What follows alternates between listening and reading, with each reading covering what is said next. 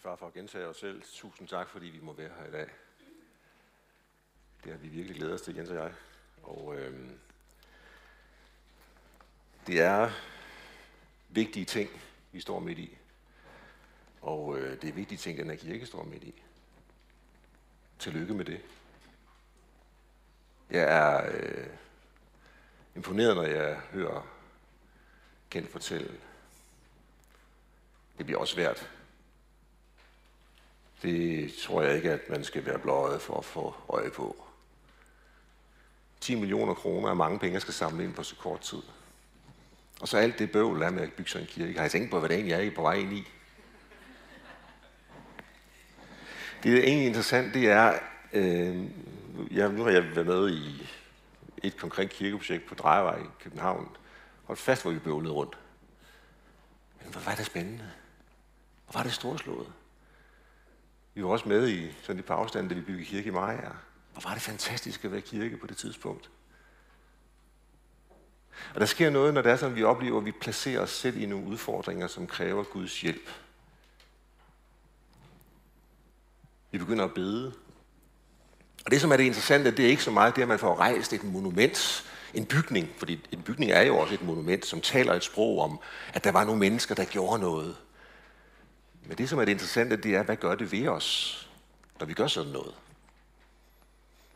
Og det, som jeg har tænkt på, jeg skal sige i dag, inden vi tager hul på at læse Guds ord sammen, det er også, prøv at holde øje med, hvad det gør ved dig selv at være med i sådan et forløb som det her. Du er jo den, der er med at forme kirke her i den evangeliske frikirke i Randers. Hvad gør det ved dig, når du sidder for øjeblikket og overvejer, hvor meget du skal være med at løfte? Den overvejelse skal vi alle, I alle, igennem. Det er jo ikke tiden lige nu til at kunne læne sig tilbage og komme med de krasbørstige analyser om, hvad der burde gøres og hvad der ikke har blevet gjort. Nu er tiden faktisk inde til at stå sammen, kære venner. Ja, det lyder måske sådan lidt som en formaning, og det er det også. Hvis, det ikke er, der, hvis kirken ikke står sammen i den her fase, så nytter det ikke noget som helst. Og det er ikke så meget spørgsmål om at bygge en bygning, men det er mere spørgsmål om, hvad det er, det, det bygger i mig. Det, jeg kommer til at nævne i dag, det er, når vi begynder at bede for ting, så det er ikke så meget de ting, vi beder for, der forandres. Jeg synes efterhånden, jeg har skovlet mig så mange år på banen, så jeg godt ved, når jeg begynder at bede for ting, jeg synes, der bøvler, så er det René Ottesen, der forandres. Så er det mig, der begynder at se tingene fra et andet perspektiv. Så er det mig, der begynder at angribe verden på en ny måde. Jeg ser tingene på en helt fantastisk måde. Og den forandring, den er jo fantastisk. Det synes min omgivelse i hvert fald. Min kone synes det også. Hun er her ikke i formiddag, så jeg kan sige hvad som helst. Og jeg tror bare, det vi skal få lov til at se her, det bliver, at Gud han bygger noget helt enestående, som også er en begyndelse til, at Randers får lov at opleve nogle stærke, stærke ting. Er I klar over det? I siger også amen, ja, jeg skal Amen. Amen. Så tak fordi, at vi får lov også at bare være med. Øhm. Jeg skal dele et ord fra øh, Romerbrevets 8. kapitel.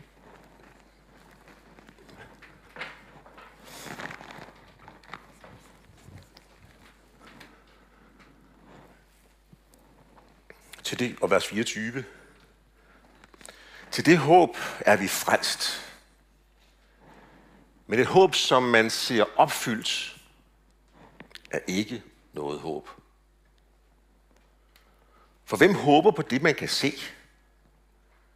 Men vi håber på det, vi ikke ser. Vi venter på det med udholdenhed. Også ånden kommer os til hjælp i vores magtesløshed. Eller vores skrøbelighed, står den i oversættelse. For hvordan vi skal bede og hvad vi skal bede om, det ved vi ikke, men ånden selv går i forbøn for os med uudsigelige sukke. Og han, der renser hjerterne, ved, hvad ånden vil, for den går i forbøn for de hellige efter Guds vilje. Vi ved, at alt virker, til sammen for, øh, alt virker sammen til gode for dem, der elsker Gud, og som efter hans beslutning er kaldet. Den rejse, som jeg har været på i særdeleshed over de sidste tre år, har været en rejse, hvor jeg har set bøn spille på en helt fantastisk måde. Og jeg oplever, at af bøn, som vi også læser, når vi læser det her, så handler bøn meget om noget håbefuldt, som Paulus har skrevet i romerne her. Der er noget usynligt, når vi begynder at bede, der sker. Vi træder ind i et rum, som vi ikke umiddelbart kan se. Men et rum, hvor der findes rigtig, rigtig mange ting. Et rum, som er kendetegnet af det evige. Og ordet evigt, det betyder det, som ikke har nogen horisont. Det vil sige, når vi træder ind i bøndens rum, så ser vi Guds storhed. Det er også derfor, at de første kristne lige på pinsedagen oplevede, at bøndens ånd kom over dem. Hvad var det så, at man hørte, de talte om? Jo, om Guds storhed. Om Guds store gerninger. Fordi det var bøndens ånd, der førte dem ind i det rum, hvor de så Guds storhed. Vi oplever også, at det er i bønden, vi kender vores egne skrøbelighed. Der er ikke noget, der er mere fantastisk, end at høre et menneske, som er i kamp, der beder. Sidste uge, der talte jeg med øh, en af vores samarbejdspartnere i Indien. Han arbejder ikke langt fra derfra, hvor Kirtis fortælling den udspillede sig. Lad os kalde ham Pastor Johannes. Pastor Johannes, han, øh, vi har sådan noget, vi kalder samtaler med Open Doors, og man kan deltage i de samtaler. Vi, der, vi har sådan, det foregår på Teams, og så har vi sådan en team, hvor vi lige snakker sammen med en leder fra den forfulgte kirke. Det sker en gang om måneden. Sidste gang, der var det så Indien, vi havde fokus på. Pastor Johannes han fortæller historien om, hvordan en af hans rigtig, rigtig nære venner, som arbejdede ude i et af de primitive områder i Indien, han fortalte historien om Jesus. En tidlig morgen, der havde byens mænd samlet sig uden for hans hus, og de brød ind i hans hus, og de tog ham ud og, og bortførte ham og skar halsen over på ham. Da vi bad, bad sammen med øh, pastor Johannes, I skulle høre en bøn.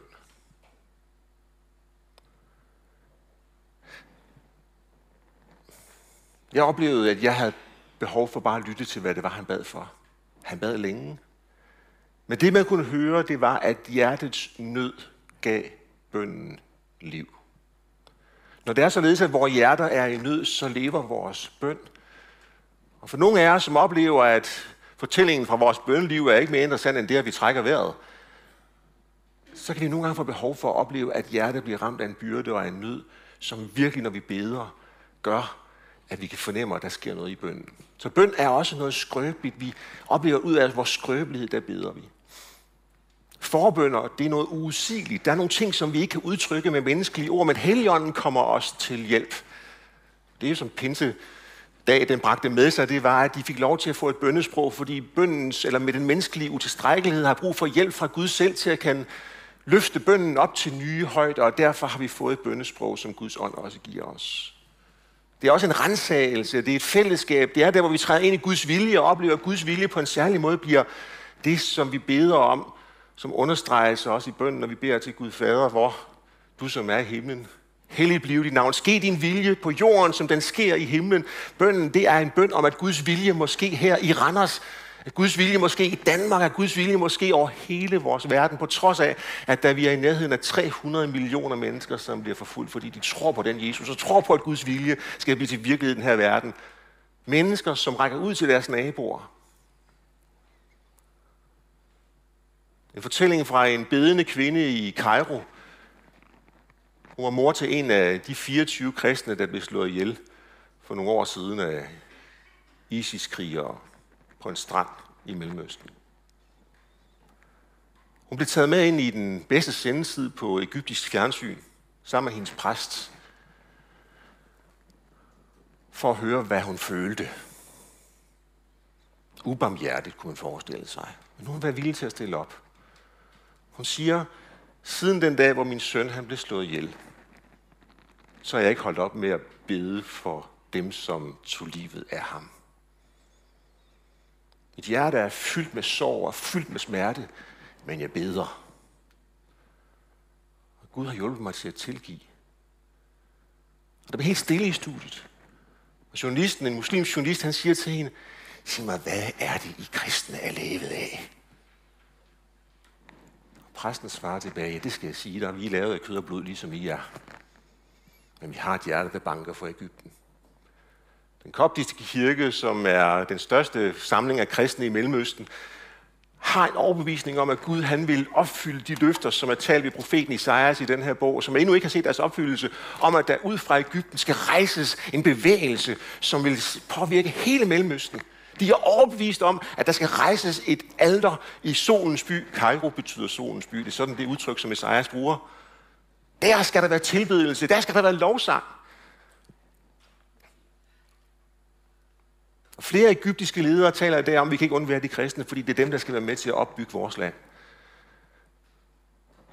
For jeg, som er vant til at færdes på internettet, I skal gå hjem og slå noget op på YouTube, det hedder Cave Church, altså klippekirken, altså Cave Church.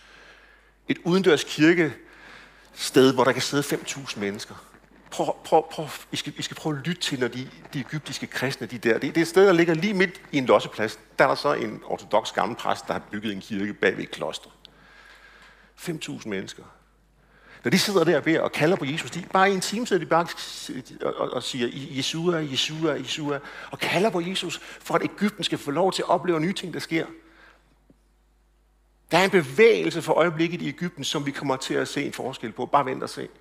Jeg er overbevist om det. Jeg mødte en præst, der fortalte, at en af hans venner, han blev taget til fange, da han gik i en indre by i Cairo, og kørte uden på byen. Kom ind et sted, for han var blevet bortført, han havde så sat en sæk over hovedet, så kom han ind et sted, og der sidder en, en flok muslimske ledere,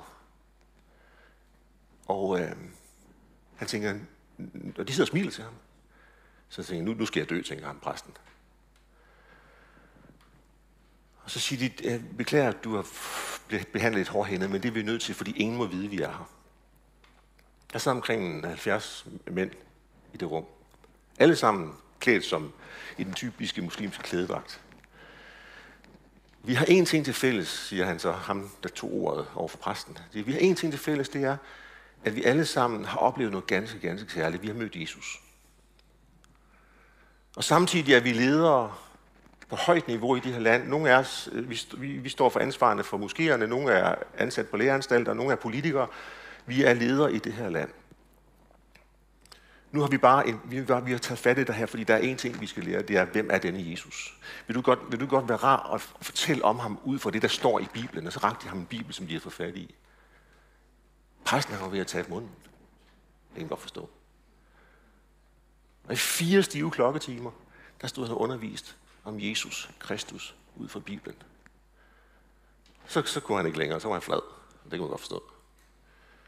Så siger han, jeg, nu, nu kan jeg, jeg kan ikke sige mere nu. Vi tager dig igen på samme, samme tid, øh, eller på en del af tidspunkt næste uge, så, så bortfører vi dig en gang til. Samme hårdhændet behandling, du skal komme, du skal fortsætte. Vi er ved at skabe noget i det her land, siger de der egyptiske ledere. Det her, det er virkeligheden i den dybe undergrund i Mellemøsten. Jeg har fået en meget, meget god ven i, øh, i, i, øh, i Jordan, som øh, han er øh, uddannet øh, på universitetet og underviser øh, på en af de højere lærerstaller dernede. Eller det gjorde han. Øh, da han tog sin uddannelse, så, så havde han en... Øh, så havde han, øh, han havde en, en, en, en sjov idé, som en af, sammen med en af hans venner, at de købte alle de bibler, som var i bogladen, fordi der var ikke nogen, der skulle læse i dem. Så hele hans kollegieværelse var fyldt op med bibler. Men når hans venner kom på besøg, så spurgte de, om de ikke måtte tage en og tage med hjem. Ja, vi tager bare. Og han sidder selv og begynder at læse Bibelen. Han var ikke en af dem, der har set Jesus, som vi ofte hører om muslimer gøre. Han er sådan et dybt logisk menneske. Men pludselig så opdager han, at den bibelske logik hænger sammen.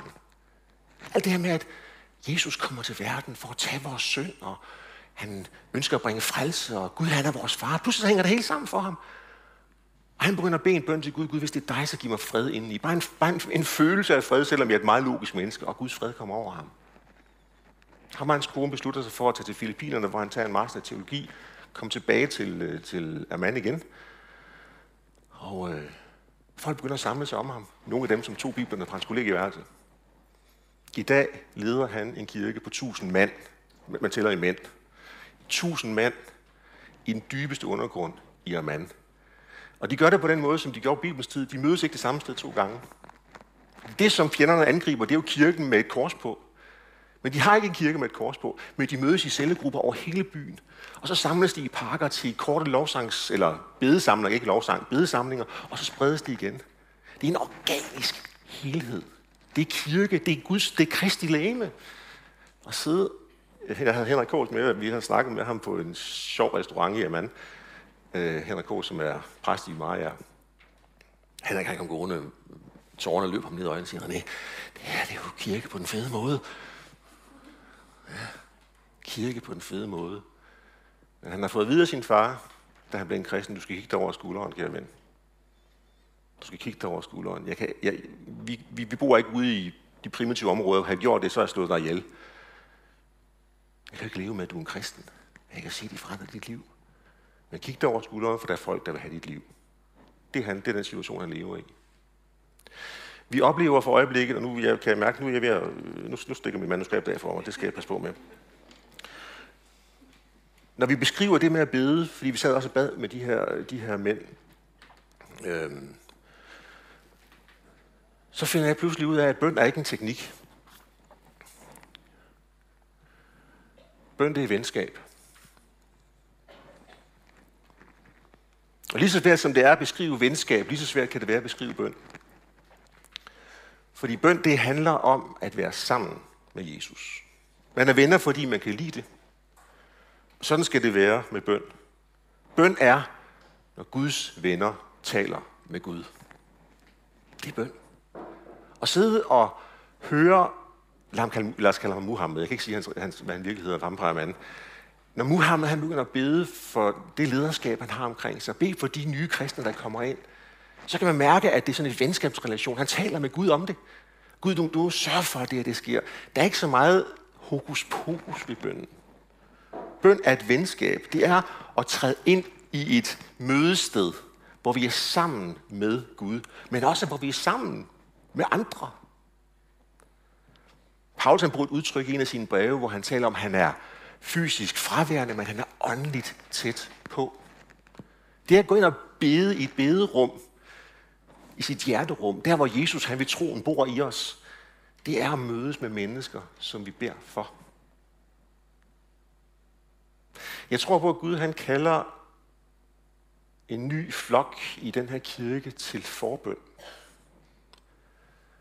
Det er ikke noget, der er, det er, ikke noget, der er meget æresbevisning i, kære ven. Fordi når vi går ind i vores kammer, så lukker vi vores dør, og vi er i det skjulte. Perioden for den her kirke kommer til at være en periode, hvor Gud han bygger op i det skjulte. Kirken bliver bare et synligt resultat på det, der foregår i det skjulte. I en forfulgte kirke, hvor folk ikke bare kan mødes, sådan som vi gør det i den vestlige verden, der arbejdes der i det skjulte lige nu. Og jeg tror på, at vi i vores liv kommer til at se det ske i, øh, i Mellemøsten, at Gud han vil gøre noget ganske enestående. Bøndens vækkelsen udspringer af genopdagelsen af, at Gud han er vores ven. Jesus er vores ven, og Gud han er vores far. Jesus han siger til os, jeg kalder jer ikke længere tjenere, fordi tjenerne ved ikke besked om, hvad deres herre gør. Jeg kalder jeg venner. Og ingen har større kærlighed, siger han i Johannes evangeliet, end den, der sætter livet til for sine venner. Og det var det, Jesus han gjorde for os. At være ven med Jesus. Derfor skal bøn også være en samtale. Bøn skal være en stille lytten. Det kan være et klageråb. Bøn kan være en fejring, ligesom det kan være et frustreret udbud i bedste Job-stil. Hvis det er længe siden, du har været forbi Jobs bog, så prøv at tage Jobs bog. Det er en fantastisk bog. Der er så meget bøn i Jobs bog.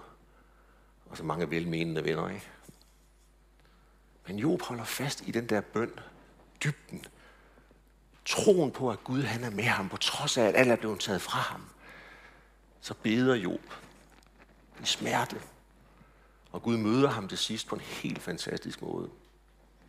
Og det er det næste, det er, at, at, at Gud han trækker os ind i sit nærvær. Bøn, det er et Guds nærvær. Hvor ofte har vi ikke kæmpet Øh, bøndens kamp, også for at tiltrække os Guds nærvær. Når vi starter en gudstjeneste, så beder vi om, Gud, vil du godt være nærværende? Og det beder vi jo for igen for vores egen skyld, fordi vi ved jo, at Bibelen siger, hvor to eller tre er sammen i mit navn til Jesus, der vil jeg selv være til stede midt i blandt jer. Hvor to eller tre er til stede i mit navn, der vil jeg selv være til stede midt i blandt jer. Nogle gange skal vi smage på de her gamle løfter. Også når vi er hjemme i vores familier. Hvor to eller tre er til stede i mit navn derhjemme, i familiens skød, der siger Jesus, der er jeg til stede med de blandt jer. Jeg fik øh, på en tur, vi var, vi var på, øh, også her for nylig, eller for nylig, før corona, øh, der fik jeg en oplevelse af, hvad bordbøn kan gøre. Har I set, jeg, nu, jeg skal, jeg skal ikke engang hånden op, men, men jeg ved ikke, om nogen af jer bliver, bliver bøn, inden I spiser jeres mad derhjemme sammen med familien. Øh, det var sådan, når Jesus sige vores mad, amen. Det var, sådan, det var sådan på det niveau, vi var bevæget os ned af. Så sad jeg sammen med nogle kristne nede i Frankfurt, som kom fra, øh, fra Mellemasien, eller Midtasien. Og de begyndte at bede for den der mad der, fordi de havde ikke ret meget mad der, hvor de kom fra. Og deres taknemmelighed over det, der stod, glæden over Guds godhed, lovsangen, de, altså det var sådan, at vi startede næsten med et bedemøde, inden vi begyndte at spise, ikke? og maden blev sådan halvkold. Men pludselig tænkte vi dem selv, hmm, taknemmeligheden over det, som Gud giver. Vi kan sige, hvis du får kylling, den her kylling, den har jo ikke levet forgæves. Gud har hjulpet den igennem dens liv, så den kunne være her nu. Tænk, at denne most, som jeg drikker her, den er så fantastisk. Gud har givet æblet vækst og sollys. Tænk, at alt det Gud han har bidraget med, for at vi lige nu, i dette øjeblik på baggrund den tid, som er gået, har frembragt disse fantastiske gaver. Det var sådan en bøn, jeg hørte, tænkte jeg, hold da op, jeg blev helt blæst om kul. Det er bare bede derhjemme i de der små sætninger er afgørende betydning for, at vores åndsliv hænger sammen, kære venner. Vi takker Gud for det fysiske, fordi der foregår noget i den åndelige verden, som vi i den grad skal tage imod. Guds nærvær er i vores familie og i vores hjem. Og hvis Guds nærvær ikke er i vores familie og i vores hjem, hvordan i alverden skulle det så være sin gudstjeneste? Det er ikke bare fordi, jeg kender, at han er smart til at holde en god prædiken eller til at bede nogle gode bønder. Hele bønsbyrden skal altså ikke ligge på lederskabet. Den skal ligge hjemme i hjemmene. Amen. Netværksgrupper, sådan noget har I garanteret også i kirken. I mødes i netværksgrupper og samles til bøn. Bøn og det fede netværksgrupper, det er, når der for alvor er problemer. Ikke? Det er sådan noget at bede for. Så kan vi se, at Gud han svarer på vores bønder. Han hjælper os, når vi beder. Og Gud han har lovet, at når han kommer i, med sit nærvær, så er det et nærvær, der løser op i nogle uløselige situationer. Det kan godt være, at han ikke svarer på den måde, som vi gerne vil have, at han skal svare. Men han svarer på vores bøn. Han hjælper os igennem kriserne.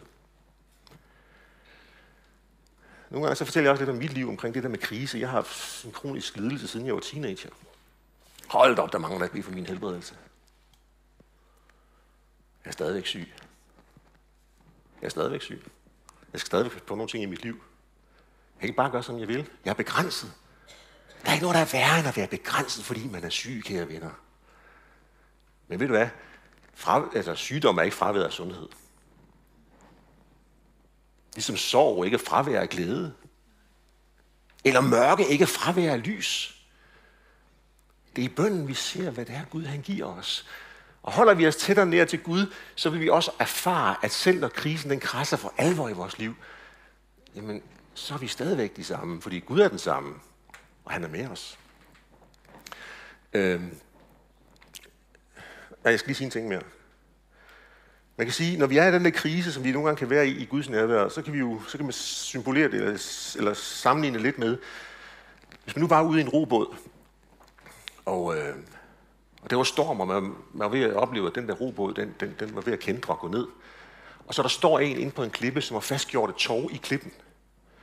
Og vedkommende smider tog ud til, til, til mig i båden, og jeg griber toget. Så, så gør jeg det, at jeg begynder at trække tåret for at komme ind til den der klippe, mens jeg sidder i båden. Jeg trækker jo ikke klippen hen til mig. Jeg trækker mig selv ind til klippen. Klippen ligger, hvor den altid har ligget. Den er lige så formbar, eller lige så øh, sådan, ser ud, ligesom den har gjort i millioner år, den der klippe. Den er, som den er. Der er ikke noget, der er anderledes. Og det, den for alvor er, det er, at den er fast. Det kan godt være, at stenene kan gnide, eller bølgerne kan, kan slide lidt på klippen, men klippen er klippe, uanset hvor meget. Så det handler for mig om at trække mig selv ind til klippen. Og det der med at opleve Guds nærvær, det er at trække mig selv ind i Guds nærvær. Jeg kan ikke bede Guds nærvær ned der, hvor jeg er selv. Jeg må trække mig selv ind i Guds nærvær. Og nogle gange kræver det også en lille smule arbejde. Det, som øh, vi også oplever, når vi tænker på bønden, det er, at bønden det er en stillhed. At være i Guds hænder og gemme os i klippen og forene os med den almægtige er udtryk, som mange af os er vokset op med. Det er et udtryk, som beskriver en øh, væren og ikke en gøren. Det er her, vi kommer tæt på ham, selvom vores ord ikke rækker til. Når vi skal udtrykke vores følelser og bønder over for ham. Stilhed. Men sige, den tradition, som vi kommer fra, er ikke så glad for stilhed. Op i den nordlige del af Ægypten, der findes der et kloster, som hedder Makaio-klostret, eller Markus-klostret. Der mødte vi sådan en... Jeg troede faktisk, det var en gammel munk, men han var faktisk yngre end mig. Det var, fordi han kan have kæmpe langt skæg, og så, sådan, så han meget sådan alvorlige rynker, som, sko, som solen havde givet ham. Men så, så, så bad jeg ham om at beskrive, hvad Gud betød for ham. Så sagde han, Helligånd.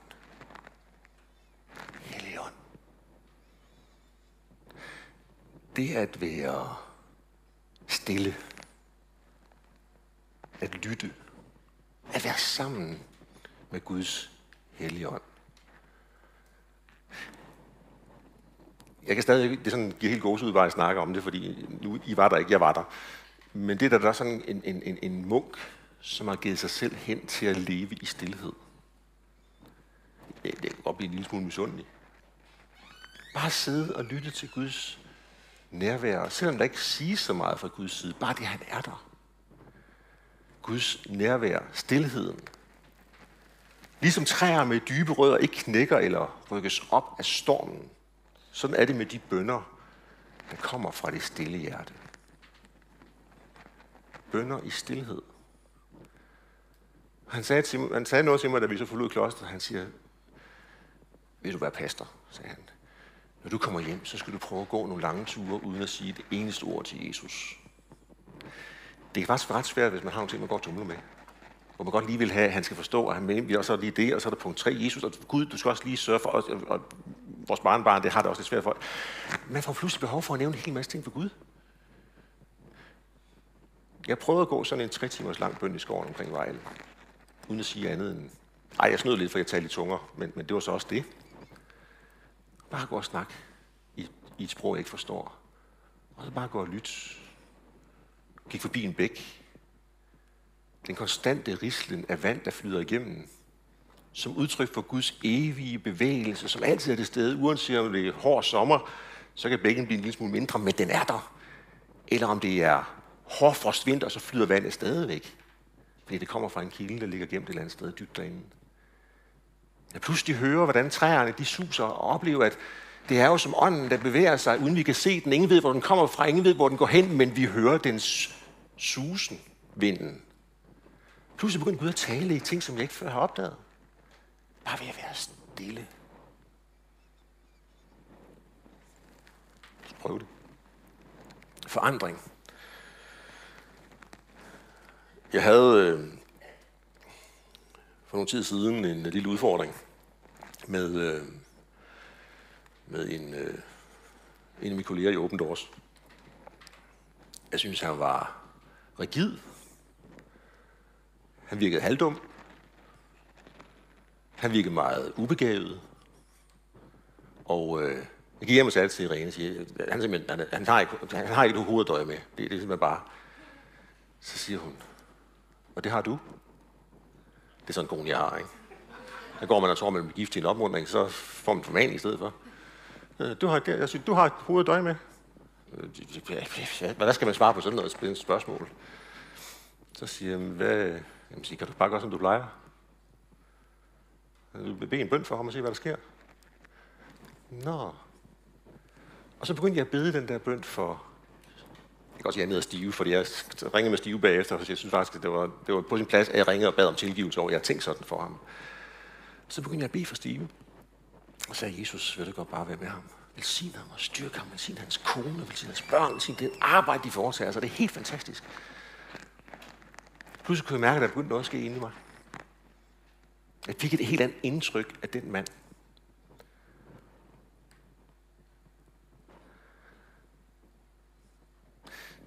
En af de øh, forfulgte kristne fra Indien fortalte mig for nylig det der med at bede for sine fjender. At bede for sine fjender. Der er vi ude i lidt anden liga, end når jeg bare skal bede for stive. At bede for sine fjender. Det betyder pludselig, at man er der for sine fjender. Man hjælper sine fjender. Man hjælper dem, som vil slå en ihjel.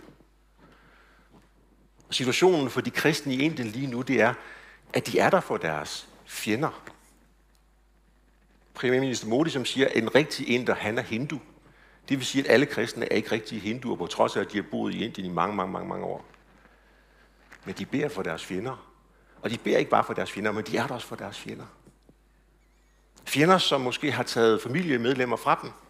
Fjender, som har skubbet dem væk. At bede, være der for sine fjender og hjælpe med at betale deres hospitalsregninger. Hjælp med at sørge for, at deres høst kommer i hus. At være der for sine fjender. Jeg tror, der skal ske en forvandling ind i en selv, for man kan opleve, at det begynder at ske.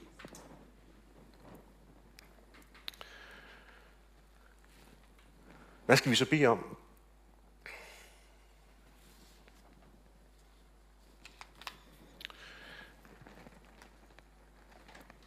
Jeg har et forslag. Der er mange, sikkert mange ting, du tænker, og du kan bede om. Og nu, jeg skal skynde mig at sige, nu er det hele ikke bare stillhed, fordi hvis det var det, så har vi, så, så, så, vi har også behov for at høre hinanden bede. Øhm, det her bønnekort, som jeg har lagt på jeres stole, det er ret vigtigt. Øh, Jens han sagde lidt om det før. Øh, bønnekortet, det er kort, som vi opfordrer folk til at skrive navn på. Øh, der står et CPR-nummer. Lad være med at skrive noget af det, det må vi simpelthen ikke. Det er en fejl, det står på. Øh, men vi har en øh, bønne-sms. Øh, indimellem får, får vi nogle ret krasbørstige fortællinger fra den forfulgte kirke om ting, der sker pludseligt øh, et eller andet sted i, rundt omkring i verden. Og øh, når sådan nogle altså, fortællinger rammer os på kontoret i Aarhus, vi oplever simpelthen, sådan en byrde, der kommer over os. Og jeg siger til Doris, Doris, vi skal have en bedre sms ud, og det kun går for langsomt. Og så kommer der en bedre sms ud, hvor vi kort fortæller om, hvad problemet er. Og vi har lige nu 500 forbedere, der får en bedre sms. I løbet af en time mærker vi, at tingene ændrer sig. Og så kan du måske sige, at du også har en følelse mand, René. Ja, det er jeg, det ved jeg godt. Men så lad det, så lad det være argumentet i sig selv. At vi er følsomme mennesker, der arbejder på kontor i Aarhus. Der er også nogen, der er lidt mere over en logisk afdeling. Men det vi alle sammen oplever tyngden af de bedemner, der kommer ind. Prøv, vi har simpelthen brug for I med. Jeg ved godt, jeg ved godt, at I har mig, der beder for lige om lidt. Men hvis du har lidt mere båndbredde i dit bønneliv, kan du så ikke godt være rar lige at være med her. Det har vi altså behov for. Jeg vil næsten sige, øh, hvis du skal overveje mellem, at du skal give øh, 100 kroner, eller du skal være med til at bede, så tag bønnen først. Det vigtigste for os, det er for bøndeengagement. Øh, vi, hver uge sender vi bønneemne ud i vores bedemail. Og her giver vi lidt en fortælling en baggrund for en kirke, der er på vej i vækst, men som oplever forfølgelse. Vi, vi oplever simpelthen, at vi træder ind i det der bønnerum sammen med de forfulgte kristne.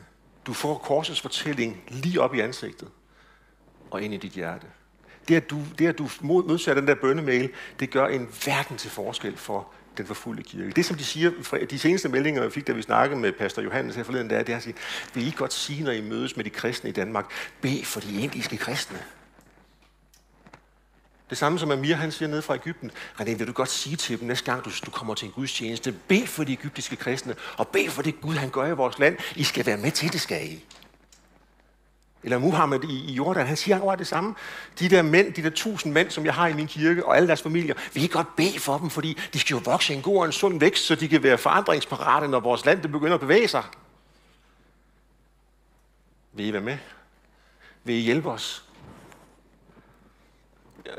Det handler om øh, navn og e-mail, og, og så mobilnummer, hvis du har sådan et. Øh, vi står her og modtager dem lige om lidt. Det, det her, det er, altså, det, det er derfor, jeg er kommet i dag, eller det er, vi er kommet i dag, det er det, det der bønnekort, dem, dem skal vi altså bare have rigtig, rigtig mange e-mail med i Jesu navn. Jeg tror, jeg skal sige amen nu. Og så skal vi øh, lige bede en bøn sammen, og så vil jeg øh, øh, også lægge op til Tina, hvis vi skal bede sammen lige om lidt. Øh, og så beder jeg mig, at Gud han må fylde os med bøndens ånd. Vi må komme tæt på Jesus, kære venner. Et fællesskab med Jesus, som gør en forskel. Og når I sidder oppe på mig og vej lige nu også, så vær sammen og bed om den bøn, at Jesus fyld mig med din bønneånd, som må være tæt på dig. Jeg, der sidder hjemme i jeres stue. Vær med til at bede lige om lidt. Nu når jeg beder en bøn, så, så luk dit hjerte op og sig, Jesus, jeg vil gerne modtage din bønneånd. Forstå, at når Jesus han siger, at enhver, som er tørstig, han skal komme til mig og drikke, så vil jeg give ham et livets vand, uforskyldt. Og så siger Johannes, det sagde Jesus om den ånd, som de, der troede på ham engang skulle få, når han blev herliggjort. Og Helligånden, bøndens ånd, er udgivet, så vi kan være sammen med Jesus og tæt på Jesus. Det er det, som det handler om. Både når vi beder for os selv, men også når vi beder for den forfulgte kirke. Lad os bede sammen.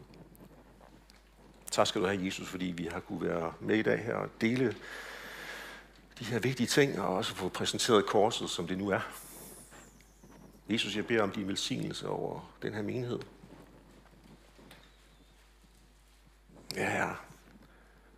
Lad den vandring, som den her menighed står overfor, være en vandring, hvor hele flokken kommer så tæt på dig, som det aldrig tidligere er oplevet. Tak, når der kommer bøvl og ævl, og der kommer en masse udfordringer og besværligheder. Jesus, så er det første, vi griber til, det er bønden. Her hjælp os til, hjælp os til at tige lige der, og begynde at bede, og så vente på, hvad du føder i vores hjerte. Og det kan vi dele med hinanden. Hjælp os til, eller nu siger jeg også, men hjælp kirken her til at stå sammen i offer, i indsamling og i engagement. Stærkt rejse sig i Randers. Bare kort lyst til at bede for den indiske kirke. Bed for de kristne, som er specielt ude i de primitive områder af Indien. Bed for Kirti. Bed for Pastor John og bed for de andre, som den her tid oplever så mange besværligheder. Jesus vil sin den indiske kirke, således at Modis udtalelse må blive gjort fuldstændig til skamme. I Jesu navn. Amen.